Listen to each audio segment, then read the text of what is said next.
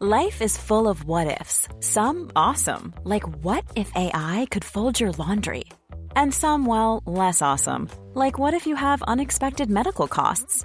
United Healthcare can help get you covered with Health Protector Guard fixed indemnity insurance plans. They supplement your primary plan to help you manage out of pocket costs. No deductibles, no enrollment periods, and especially no more what ifs. Visit uh1.com to find the Health Protector Guard plan for you. It's that time of the year. Your vacation is coming up. You can already hear the beach waves, feel the warm breeze, relax, and think about work. You really, really want it all to work out while you're away.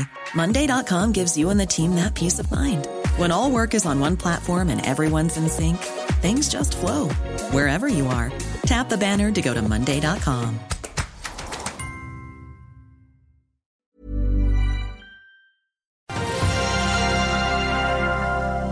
Oljeprisen steg i går, og i natt steg det i Asia. Solen skinner over Oslo Børs eh, før påske. Det er 31. mars, og dette er Børsmorgen.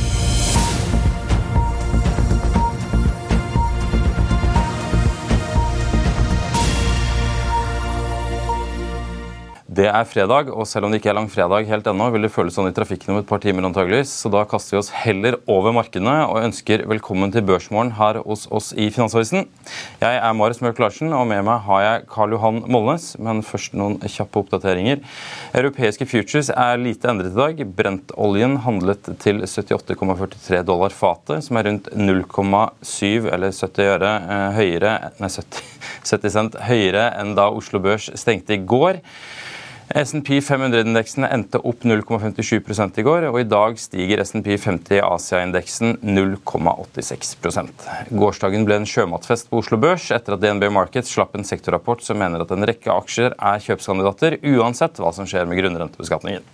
Særlig likte de Movi, og det sendte aksjene opp 2,7% Det sendte også SalMar opp 2,8% Lerøy Seafood opp 4,4% og Grieg Seafood gikk opp 5,7 det var som sagt en god dag i Asia i natt, hvor Nikkei-indeksen steg 1,1% mens Topix er opp 1,3% Det kommer etter en god dag på Wall Street i går, hvor USAs aksjemarkeder var mer opptatt av arbeidsledighetstall enn tiltalen mot Donald Trump. Torsdagens tall viste at ledigheten steg mer enn ventet i forrige uke, noe som gir mange tro på at arbeidsmarkedet roer seg, og dermed også at Fed kan roe renteøkningene. Feds foretrukne inflasjonsmål, PCE, er ventet å stige 0,4% i februar og 4,7 på årsbasis. Tallene kommer klokken halv tre i dag. Og I dag får vi også arbeidsledighetstall og foreløpig inflasjonstall for mars fra eurosonen. I går overrasket den spanske inflasjonen på nedsiden, mens den tyske overrasket på oppsiden. Blir, viktig blir også Chicago PMI-tallene klokken 15.45. Vi hopper rett i det, Karl Johan. Vi var inne på det her med, med USA og Donald Trump og arbeidsledighetstall, men du, du, har fulgt mest med på hvordan det går med bankene? Ja, bankene og pengene fortsetter å strømme ut av eh, de mindre bankene, og de store bankene vil ikke ha pengene. Eh, så de, de setter null rente, og, og da går pengene i pengemarkedsfond, som så investeres i kortsiktige obligasjoner. Og det er jo, eh, Bankaksjene er veldig svake. Charles Schwab, eh, den store internettmegleren, ned 5 i går igjen. Eh, veldig stort selskap, nesten like stort som Goldman Sachs i, i markedsverdi. Begge rundt 100 milliarder dollar. Men det der er et stort latent tap i en obligasjonsportefølje. Jeg hørte det var så mye som 22 milliarder for Charles Schwab. Jeg kunne ikke tro det. Men det er ikke noe problem og, og, så lenge det, folk ikke tar ut pengene. og det, ikke, det, det, er en helt annen businessmodell. Det ikke går utover forretningsvirksomheten. Så kan du godt ta den type latente, latente tap så lenge det at du er hold to maturity. og men det er problemer, og det er samme type problemer som det britiske pensjonsfond hadde, eh, med solvensproblemer. og Da måtte jo staten gripe inn. Men staten griper ikke inn her. Dette må løse seg sjøl. Så da er det typisk at du må ha styremøter i bedriftene, så må man da trekke pengene ut av banken der man får null rente, og sette de inn i obligasjoner der man får 4% rente. Så, og det vil jo mange gjøre etter hvert. Så til slutt så vil vil det komme til et punkt hvor at dette her uh, Det får jo konsekvenser når man trekker pengene ut av bankene. Da må jo redusere utlånene sine. Så Så vi, vi, vi går sakte, men sikkert spaserer inn i en slags bankkrise. Eh, for de små bankene. Og, det, og det, er det mye commercial real estate. Der, så det er problemer. Det, det, man, det, det, det finnes ikke noe teppe som er stort nok til å dytte alt dette her under. Altså. Det, gjør ikke Nei, for I går så hadde vi jo Thomas Eidsen fra SEB her, kredittsjefen, og han uh, sa jo at han trodde ikke dette var en uh, ny finansbankkrise. Han mente at bankvesenet hadde lært siden sist, men uh, jo, men, det, men problemet er at det, problemet dukker opp i Du får en kraftig nedgangskonjunktur. Da. Det, blir, det som blir løsningen, for bankene får ikke penger til å låne ut. og Det går jo spesielt utover commercial real estate. Eh, og Det er der krisen, det er den type krise du hadde. Det var Samme som savings loans i, i, i, krisen, som stort sett var en Texas-krise på 80-tallet. Eh, men altså, det du sier da er jo at, at, dette går utover commercial real estate. Men hvis det går utover commercial real estate, vil ikke det slå tilbake på bankene igjen? Jo, så det er, eh, Men, men de, fordelen i USA er at alle store bankene er veldig sterke. så det at eh, De vil absorbere dette, her, men du får en kraftig nedgangskonjunktur. og eh, Nå er jeg ikke helt syns og kan fortelle nøyaktig hva som skjer med det, men, men det er, vi, vi er i ferd med å gå i søvne inn i en økonomisk krise. Ja. Vi... Øh skal vi si, Det var vel en bedre påske i fjor for mange av de som holdt på i eh, finans- og banksektoren enn det blir i år. hvis ja. man skal prøve å få slappet av. Vi eh, tenkte å ta inn første gjest istedenfor, og eh, da blir det ikke bank, da blir det hydrogen. Tarjei Johansen fra Hydrogenpro, velkommen til oss. Jo, takk for det. Dere er jo også litt i USA om dagen?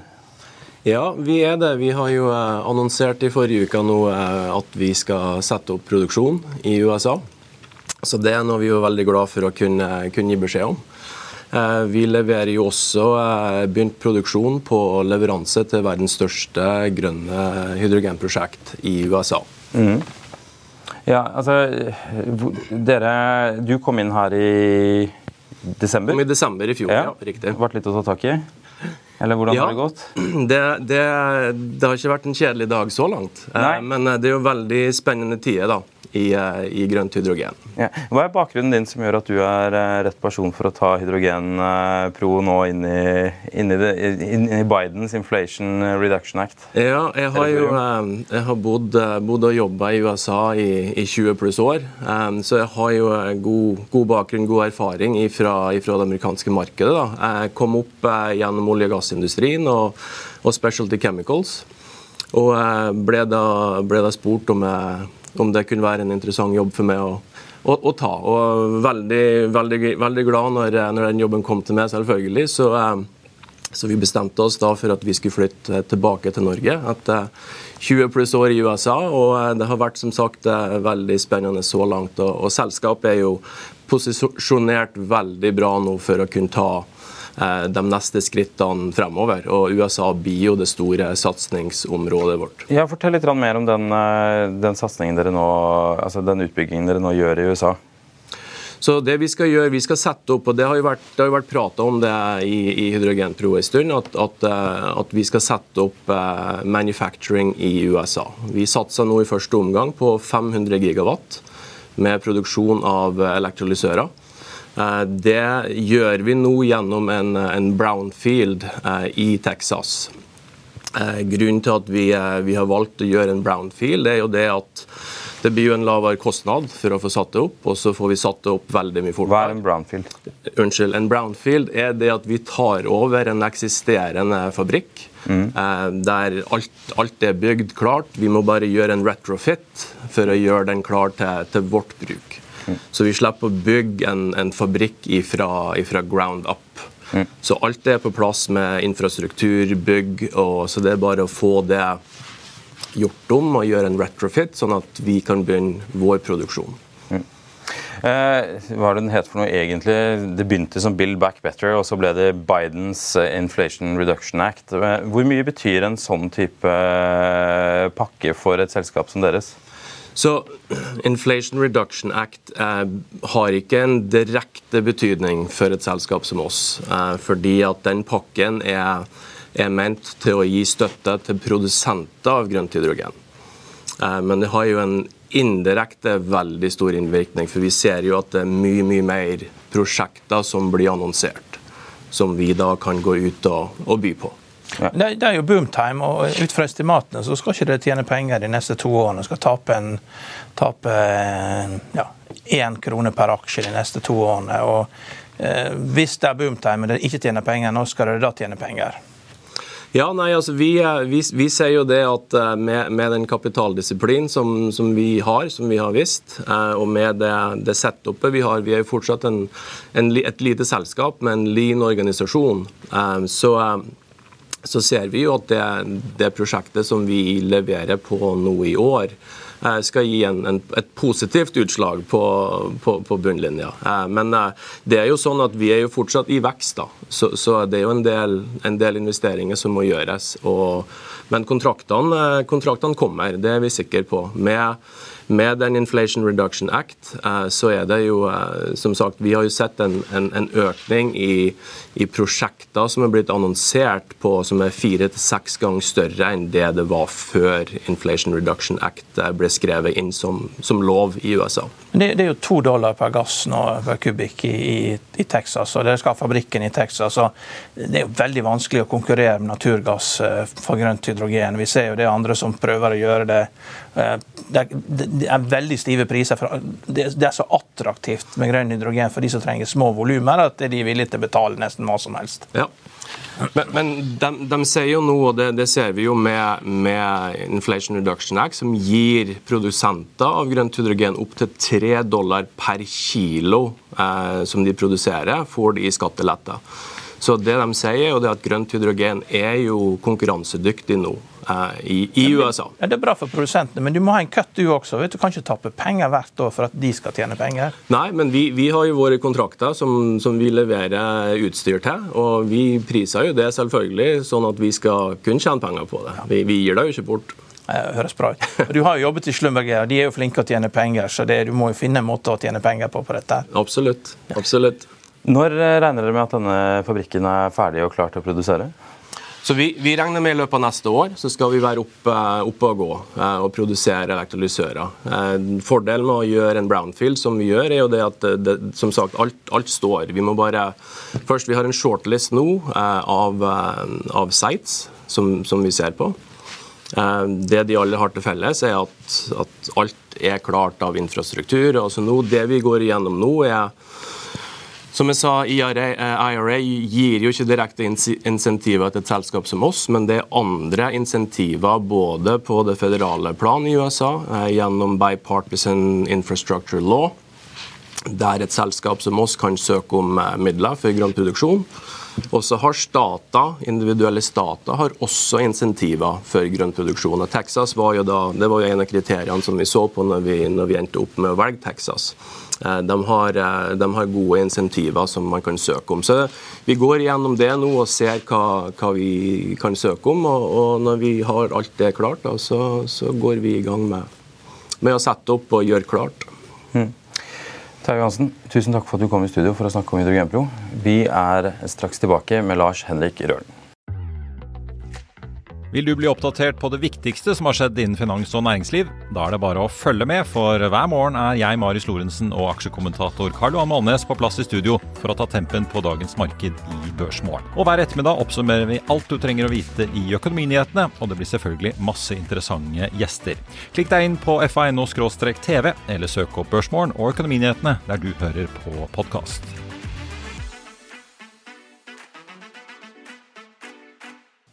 Da er vi tilbake. Det, vi startet med hydrogen, og nå går vi rett uh, over i, i Vindøyet. Lars Henrik Røren, velkommen til oss. Tusen takk. Hva, hvor, er, hvor, blåser det best for deg om dagen? Det er, hvor det blåser best, det er, eh, det er egentlig over, overalt. Men det viktige for oss i år, det er jo, som vi har kommunisert tydelig, det er at vi får leveranse av vår første Skywalker Class-båt. Mm. Som etter planen skal komme i fjerde kvartal i år. Ja. Gå rett fra verftet og ut og jobbe på verdens største vindfelt under utbygging til havs. Som er Doggerbank-feltet. Hva, hva, gjør den båten? Altså, du, du, legger den til vindturbinen, og så har du en bro som du kan spasere over. Er det, hvilke bølgehøyder er det fungerer på, hvilke ikke? Hva er, hva er, det som begrenser aktiviteten til et sånt skip? Det som begrenser aktiviteten, er som du sier, det er jo, det er jo eventuelt vær og vind. Ja. Men der er det beregnet tydelig fra de som bygger ut feltet, at, at vår type båt Det vi kaller eh, den nye typen altså tier, tier one-båt, som er spesial, spesialbygde båter, de er best egnet der ute. Og med best egnet mener jeg høyst sannsynlighet for høyest mulig oppetid. Ja. Så vi er så SSE, som er eh, ansvarlig operatør i utbyggingsfasen før Equinor overtar i driftsfasen, eh, de, de valgte tidlig å gå for vårt design. Det vi da benevner som en vår Skywalker Class, som vi bygger seks av helt generiske båter. Og det gir oss en kjempefordel i framtiden, hvor vi kan switche mellom båtene på de kontraktene. Så dette blir, dette blir en vinnerinvestering som man kan regne på som en shippinginvestering? fordi at når du får levert båtene, så vet du at du tjener et par kroner, kanskje to-tre kroner per aksje om to år, og aksjen er rundt 30 kroner, så her blir det earnings. Eh, og det er jo ikke alle som har i denne industrien her. Her blir earnings. Vi som jeg sa, vi får vår første båt inn nå fra fjerde kvartal, og så kommer de på rekke og rad gjennom 24 og 25. Så allerede i, i første kvartal, annet kvartal i 24, altså om et år, så har vi to båter ute. Og Med referanse til det med earnings, da bør vi som selskap være i over nullstreken når det gjelder EBTA. Eh, så, sånn sett så begynner vi å få en, en positiv, positiv pengestrøm fra, fra driften. Når var det det begynte bygging av den første båten? Den bygges i Kina? ikke sant? Ja, den bygges i Kina. Ble bestilt i februar for, for to år siden og startet eh, stålkuttingen sin noen måneder etter det. Men Lars Henrik, eh, Du har det enkleste konseptet, og du tjener penger. Men du har også de største ideene ja. på hva havvind er. Og ja. Kan du fortelle litt om det, og fortelle liksom våre seere og lyttere hva som er den store endringen med havvind?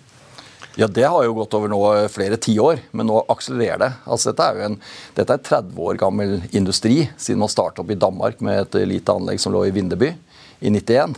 Eh, og eh, den installerte effekten i det anlegget der var jo bare ja, kanskje en, en, tredjedel av det som er nå de største turbinene som kommer ut fra 2024-2025, når vi snakker om Vesta sin 15 megawatt. Det betyr at det opprinnelige feltet i Vindeby var 5 megawatt totalt sett. Nå er én turbin har en installert kapasitet på 15. Så det sier noe om skala. Altså Hver turbin blir større, og den produserer mer. Det betyr også at hele industrien rundt det å, det å bygge og utvikle disse både feltene, men også hver og en turbin, krever, krever helt annet tankesett. Og selvfølgelig en helt annen økonomi. Så det er en, det er en, det er en sektor i voldsom, eh, voldsom utvikling. Og eh, Da kan man bli skremt selvfølgelig når man ikke finner umiddelbart lønnsomhet i en sånn fase man er i nå. Men det er fordi man skalerer voldsomt opp nå, eller man må skalere eh, for å få dette her, lønnsomt. Så dette kommer nå gradvis, som vi har sett i enhver annen industri. Vi er i et kjempeskifte nå. Og vi skal lykkes med dette her, denne grønne energiendringen og bygge om hele energisystemet vårt, så det kreves utrolig innsats, utrolig penger og veldig commitment fra myndigheter og, og, og andre som tilrettelegger for denne type prosjekter. her. Sånn. Ja. Så vi er helt i starten. Dette er, Carl, det er liksom, vi, er på, vi er på forspill her. Og, og liksom det er, det er, det er, vi er helt i starten nå, og det er det som er gøy å være med på. Jeg har sett, jeg har sett disse kartene, og det, vis, det er jo vindressurser langs eh, alle kyster. og tilfeldigvis da så når, når, vi har hatt en eksplosjon av folk på planeten, de bor jo langs kysten, så det er jo den minst kontroversielle måten å, å skaffe mye energi til eh, store eh, folkeområder. Da, hvis du bare bygger det langt nok unna horisonten til å ta det inn. Men, men får man økonomi i dette? Er det kjernekraft man konkurrerer med, sånn at det, eh, det blir den dyreste formen for energi, dette her? Eller hvordan, det, hvordan ser kostnadsbildet ut? Først, Jeg hører mye om kjernekraft. og Kjernekraft er bra på mange måter, men ikke kom og si at det verken kommer raskt, og det er heller ikke billig. Ikke sant? Og det er, det, er, det er, litt sånn eh, Den type, kall det små modulbaserte anlegg, eh, det, liksom, det ligger litt fram i tid. Ja. Men dette kommer inn i miksen. Jeg må også bare rette opp. altså, Det er veldig mye kjernekraft i energimiksen globalt i dag. Og det skal vokse globalt. Ja. Det skal være en betydelig vekst. Så det er ikke noe, vi må ikke liksom være tydelige at det, det, er en del av den globale energimiksen. Så er spørsmålet om vi skal ha det i Norge eller ikke. Det er det diskusjonen går på. Altså Norge er kanskje det landet i verden som jeg sier ligger både tett på et stort konsummarked for elektrisitet eller energi, og det ser vi med gassen vår i dag, som går med, tross alt med rørledninger. går ikke med LNG, det går med rør direkte i et marked. Sånn er det også med havvinden vår. Vi har en enormt bra kystlinje. Eh, det er et enormt stort på en måte, batteri som ligger og venter på oss ute i Nordsjøen. Så blåser ikke alle steder til enhver tid, men ser du dette som en portefølje og som et system over tid, og er det man er i ferd med å bygge, da blir dette mer og mer en stabil kraft. Akkurat som hvis du har én aksje, I en aksje så har du kjemperisiko i akkurat den aksjen der. Etter hvert som du får en portefølje, Carl, så, det, så, blir det altså, så tar du ut en del sånn, sånn systematisk og usystematisk risiko. Iallfall den usystematiske tar du ut ved å spre deg. Sånn er det med å bygge energisystemet. Hvor mye kan man bygge havvind liksom eh, festet på bunnen av havet før man liksom trenger å, å, å ha flytende havvind? Nei, dette har noe med dybden ja. å gjøre. I'll see you in court. Vi sier det ofte litt på spøk, men for deg som driver business, er det aldri moro å innse at du ikke har laget en 100% gyldig kontrakt. Du bør ikke risikere hele firmaet ditt fordi du synes dette med kontrakter er litt stress. En avtale er ikke en avtale. Du kan miste kunder, miste venner, ja, til og med miste inntekter om du ikke lager en skikkelig kontrakt, på alt mulig, egentlig. Men vi vet det er et styr. Kopimaskiner, tregprinter og haugevis av papir. Dessuten stoler vi jo på folk her i landet. Det er ofte litt kleint å skulle be om en signatur for alt mulig, ja, for mye av styret handler også om jakten på underskriften. Det finnes en enkel måte å løse dette på, Dukkobit, en trygg, effektiv og get this, gratis måte å sikre seg en god natts søvn pluss en juridisk bindende avtale. Dukkobit-appen har de strengeste sikkerhetskrav i bunn, samt en EU-godkjent og sertifisert teknologi. Framover vil det bli behagelig å spørre du, skal vi skrive under på det, eller? Kom i gang på dokobit.no. Gir sånn opp til en 65-70 meters havdyp, som er blant de dypeste i dag for, for, for bunnfaste eh, eh, turbiner. Eh, og så det, så er det en liten mellomsone, eller Si fra 100-120 meter pluss, så er, det, så er det mm, flytende. Og så når de også sin begrensning på havdyp etter hvert, si det kanskje opp mot en par hundre meter, for dette har noe med hvordan de festes. Mm. Du kan jo ikke liksom ha festanordninger eh, uendelig eh, på uendelige dybder. Så det er det. Så, finner, så er det avveining da. Hvor er det? Hvordan er vindforholdene? Havdybde, bølger, strømningsforhold. Alt dette sliter og drar i de flytende strukturene. ikke sant? Og det er en avveining med, med turbinens størrelse, eh, tykkelsen på, på, på, tårnet ikke sant? for å få stivhet istedenfor softness. Det er noe med svingningene som, er, som oppstår inni selve tårnet i forhold til svingningene som er i bladene når du går forbi og ikke får interferens. og sånne ting. Så det er mange ting eh, som er utfordrende med, med, med flytende havvind.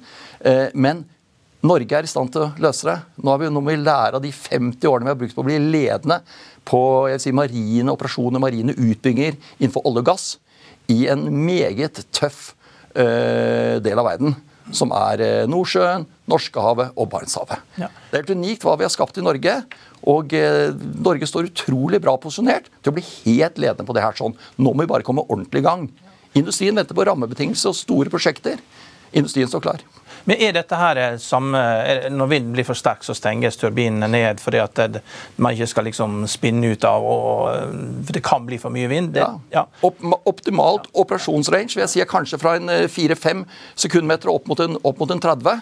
Og det fanger veldig mye av det. Så der er det også blitt bedre at de nå opererer innenfor et større spenn. Men det er klart blir det for dramatisk der ute, så velger man å stenge dette. Og Hvordan lagrer man den energien? Eh, går den rett inn til land eh, med strømkabler med en gang, eller skal det lagres ute i Doggerbank? Altså skal det, skal det, bygges batterier av en eller annen form ute i havet, eller er det rett inn til land? Nei, eh, strøm i seg selv det er en, det er en umiddelbar energikilde. Ikke sant?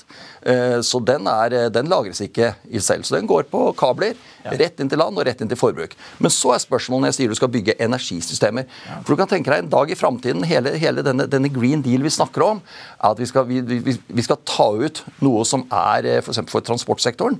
Og da kan du velge to måter. altså Enten kan du elektrifisere den, du kan ikke elektrifisere alt. Det vil kreve veldig mye med hele infrastrukturen, altså griden vår. Men da må du ha noen form for energibærere som kan være en erstatning for dagens bensin og diesel, som eksempel. Da, men, det, men, det, viktigste her er jo at du vil trenge utrolig mengder med grønn kraft for å gjøre energisystemet grønt. Ja. Og konsumentens forbruk grønt. Ja. Tenk deg, du må, du, Forutsetningen må jo være eller hva, Alle må på en måte forstå eller erkjenne i alle fall, at, at motoren i samfunnet i dag det er jo energi og elektrisitet. Det er, liksom, det er hele motoren. Ja. Og Når du skal endre den, den, motorens fra å være basert på den energi, energisammensetningen vi har i dag, til å bli grønn, så må du også endre hele systemet til noe grønt. Og da må du starte med å generere grønn kraft.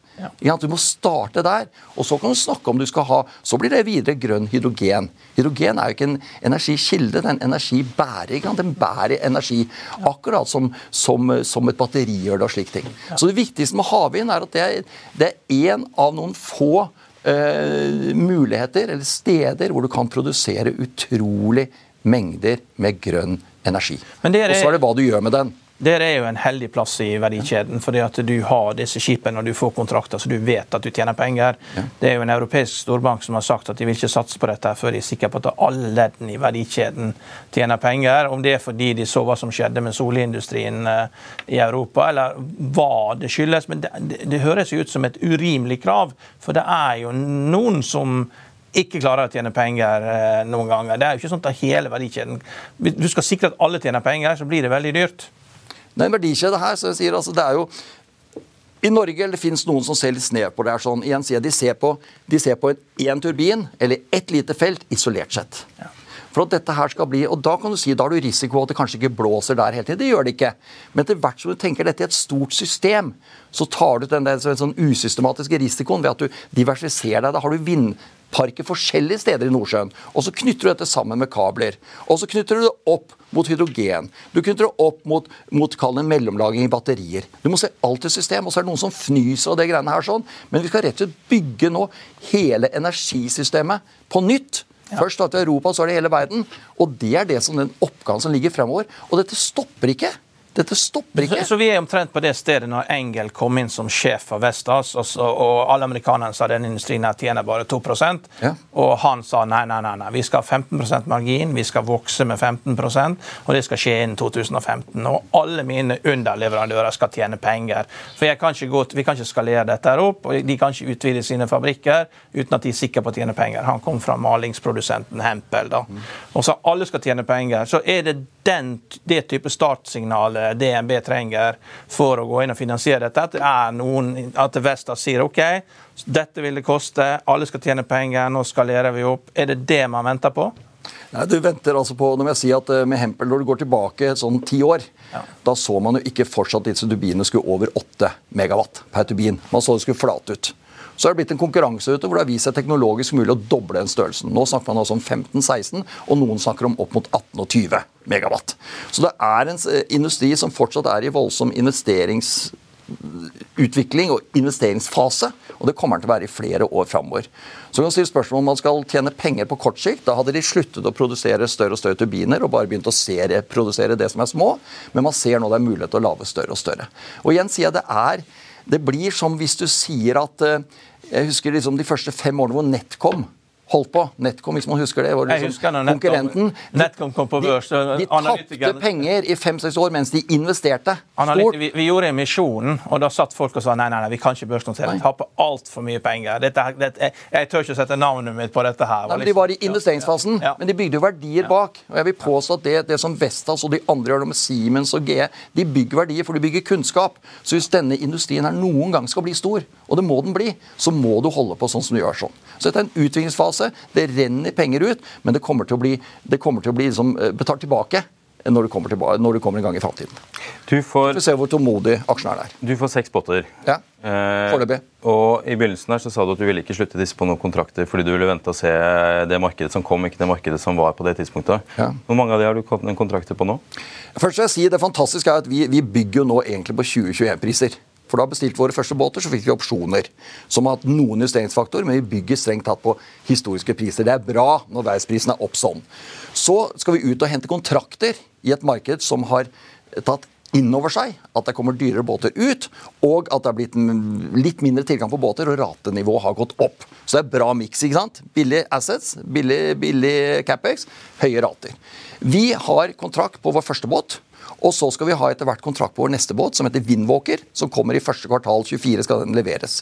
Så er spørsmålet om man skal gå liksom early lower eller, eller later higher. ikke sant? Altså Hvor lenge skal du vente før, før du må ha kontrakt i båten din ved levering. Sånn som vi ser markedet nå, så ser det ut som at liksom for hver måned og hvert kvartal som går, så strammer det seg mer og mer til. Så Sånn sett kan det være lurt å vente litt nærmere leveringen for vår båt nummer to før vi tar kontrakt. Men det er klart, eh, liksom det er mye som skjer ute nå. Kommer den riktige muligheten også nå, så tar man også den. Så dette går på litt sånn risiko. Hva mener banken man skal gjøre? Hva liker investorene våre å høre? Dette er en avveining hele tiden. Altså, Men det ser bra ut, så alt tyder på at vi heller skal vente litt. Bankene må jo ha ment at dere skulle ta de kontraktene dere fikk? Nei, vi har veldig gode vi har veldig, Ja, på, på Doggerbank ja. var jo avgjørende for å få Vi har jo fått, uh, fått uh, finansiert bank, altså, Vi har bankavtale for uh, nummer én og to av båtene våre. Så har vi sagt at vi jobber nå med Vi har stående termsheet fra bankene på nummer tre og fire. Og det er det som gjør at vi kan spille markedet på den måten der, sånn, ved at vi har sikret finansiering eh, ut fra med visse avtaleinnordninger med bankene for nummer én og to. Og Det betyr at vi er ikke desperat for å måtte ta en kontrakt nå. Vi kan vente til nærmere levering, endog faktisk overlevering. Hva slags rater er det man snakker på sånne typer skip? Ja, det er, hva er liksom en rate? Hvor lang er en vei, liksom? Eller, altså, det, er liksom, det, er, det kommer an på øh, det, jobb, øh, lengde, altså durasjonen. Øh, hvor lenge er det fram til oppstart? Hva slags type tjeneste, hvilket felt og alt dette greiene her. sånn. Men jeg vil først og fremst si at når vi bestilte for å antyde, når vi bestilte eller startet selskap for et par år siden, så lå ratenivået kanskje for vår type tjeneste på rundt 25 kanskje opp mot 30 000 euro om dagen. Mm. våre båter. Nå vil jeg si at vi mer snakker sånn, sånn pluss-minus rundt 40, men vi har også sett også jobber både på 50 og 60 og 70 000 euro dagen. Men da er de kortere. De kommer tettere på oppstart. altså du har mer et spotmarked hvor man må ha eh, båttjenester eh, raskt. Ja. Da er du villig til å betale dem på det. Skipsredere er, er, jo legendariske for å overkontrahere stort sett alle markeder de er i. Hvordan, hvor lang byggetid har du på, altså hvor, hvor, lang eh, ledelse har du eh, foran feltet på de eh, prosjektene dine nå? Før alle andre kommer med båter og kan gjøre akkurat det samme? Vi kan ta referanse da, som ble startet eh, eh, hvis du sier at vi har leveringer nå fra 23 til 25 på våre seks båter, med et midtpunkt for den leveranseserien på sommeren 24 Hvis du nå skal bestille seks båter, så får du kanskje midtpunkt av de seks får du kanskje ut i, i sent 25 eller eh, tidlig midt 26. Så du kan si vi har et forsprang på halvannet år hvor vi får operere med en snittflåte på seks båter, versus en som starter opp i dag og gjør det. Og Det er viktig et sånn oppmarked. Båtene våre kommer til å gå ut og tjene kanskje 9-10 millioner euro eh, per båt i året i EBDA. ikke sant? Så hvis du da har et fortrinn på et år, halvannet, så kan du regne selv hva, hva verdien av det EBDA-fortrinnet er. Og pluss at vi er i den situasjonen at vi bygger våre båter for et gjennomsnitt med veipris på 48 millioner euro. Dette har vi sagt. Mens de seneste bestillingene vi har sett nå, som attpåtil kommer et år halvannet etter våre båter i snitt. Eh, de ligger eh, nord av 60, mer 62 til 65, kanskje også høyere. Millioner euro per båt. Og da kan du også regne på det, du som liker å regne. Ja, ja, ja. Karl Johan, kan regne hva, hva er verdien av det her ved at har, vi har reelt sett billigere assets. Nå er ikke dette en powerpoint-sak, det er reelle bestillinger fra konkurrenter eksisterende eller nye. Altså, det virker som enkel, at dere har en enkel modell. Da. Jeg, jeg, har jo sett litt på skipene til Kadle. Det ser, det ser ut til å være Det er noe annet. Det er installasjonsbåter. Ja, det, det, ser med en gang mye mer komplisert ut, og de tilfører jo verdier på en annen måte. Det, de får sikkert bedre betalt, men det er mye mer risiko. Og, hvis du ikke har oppdrag, da. Men hvem er det som er motpart når dere får en kontrakt? Hvem er det som leier dere? De som lærer oss, er de som bygger eh, det er to ting. Det er de som bygger ut feltet, altså eierne og utbyggerne. Eller så er det de, også de som skal levere turbinene, som trenger våre tjenester til å utføre garantiperioden eller service eller installasjon. F.eks. Vestas. Så vi kan ha kontrakt med Vestas, vi kan ha kontrakt med Siemens, vi kan ha med, med GE, som vi har egentlig som, som, vi skal jobbe for. Vi har ikke kontrakt med dem på Doggerbank, men det er de vi skal jobbe med. Folkene til GE skal være på våre båter, for de skal starte opp hver og en turbin. For de skal levere turbin der ute til konsortiet som eier Doggerbank. Men vi, vår motpart, er SSE. Fins det flere spesialiserte segment der ute som eh, enn det Kadeler holder på med å ha fram? Og dere, altså BV, ja. Idol, hva, hva, gjør de, liksom? Ja, da er du mer oppe på noe, da er du oppe på noe flytende, og nå er du på, er du på noe annet. Men hvis du tar det, det finnes jo masse servicetjenester der ute. Ja. Alt som har med, med, med kabellegging. ikke sant? Det er det eneste eh, der er det egne servicebåter på. Så det er, det, er, mange Det er utrolig mengde av forskjellige båter. Dette har vi forresten et eget selskap som vi eier via Peakwind, som heter Sea Impact Det bør, det, bør, det bør, lytterne og leserne gå inn og se på. Hvis man vil se på et vindkart f.eks., eller, eller gjøre, gjøre, en bestilling på hva som er av aktivitet på hvert eneste uh, vindfelt under utbygging, så trekker vårt selskap Sea Impact det. Og der kan du se hvor mye båter som er inne på hvert felt i en utbyggingsfase. Det er mye mer enn folk tror. Og det er fantastisk å se, og det gir også en kjempefordel at vi har den erkjennelsen og vi har de dataene. Da kan vi forstå mer at behovet for våre tjenester eller CSV-båter fremover kommer til å være større, ikke mindre, per felt eller per turbin.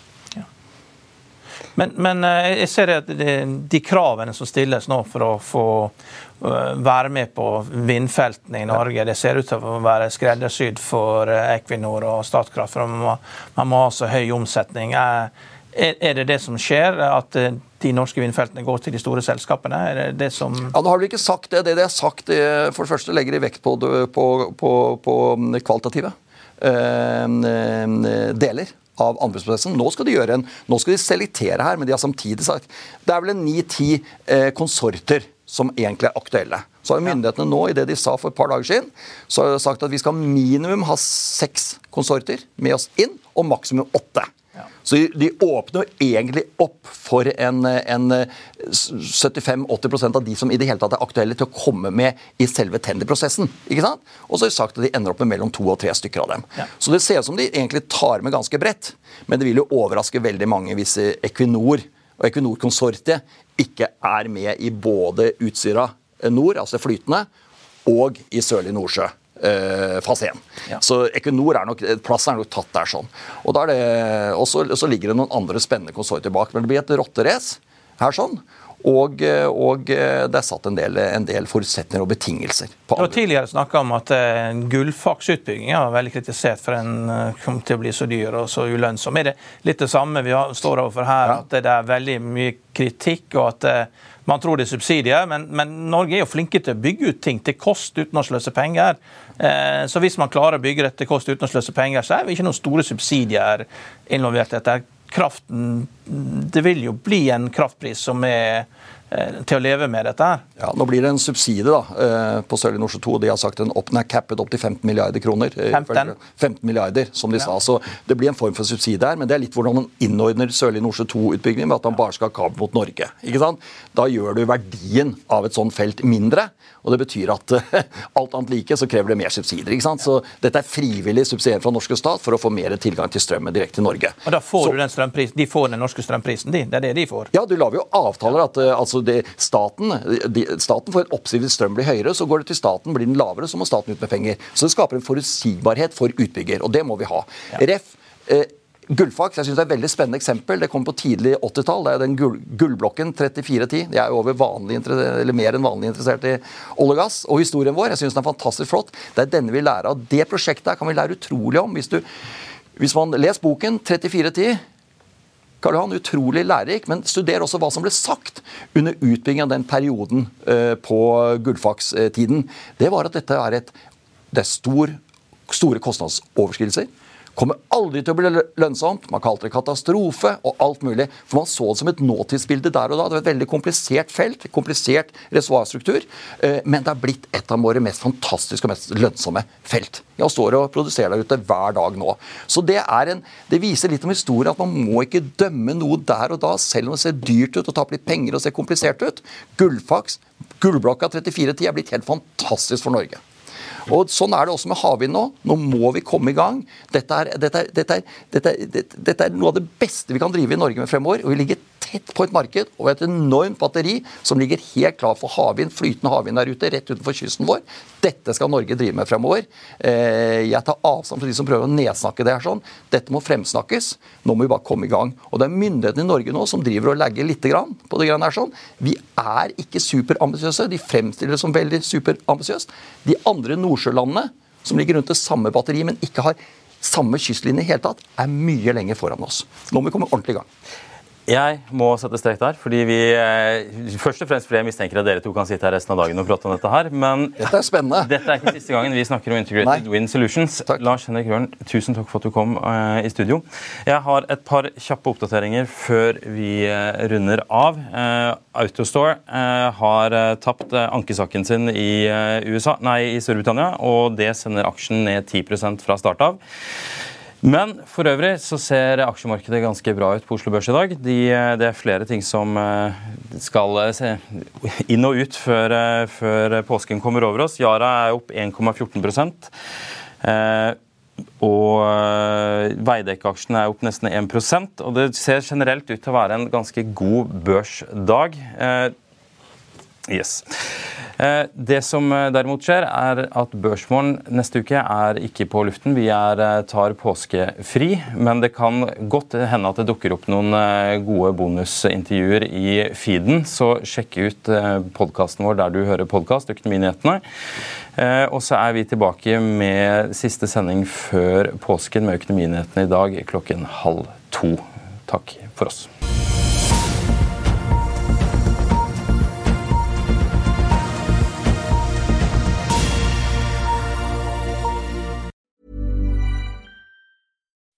When you make decisions for your company, you look for the no-brainers. If you have a lot of mailing to do, stamps.com is the ultimate no-brainer. Use the stamps.com mobile app to mail everything you need to keep your business running with up to 89% off USPS and UPS. Make the same no-brainer decision as over 1 million other businesses with stamps.com. Use code PROGRAM for a special offer. That's stamps.com, code PROGRAM. Økonominyhetene er en podkast fra Finansavisen. Programledere er Marius Lorentzen, Stein Ove Haugen og Benedikte Storm Bamvik. Produsenter er Lars Brenden Skram og Bashar Johar. Og ansvarlig redaktør er Trygve Hegnar.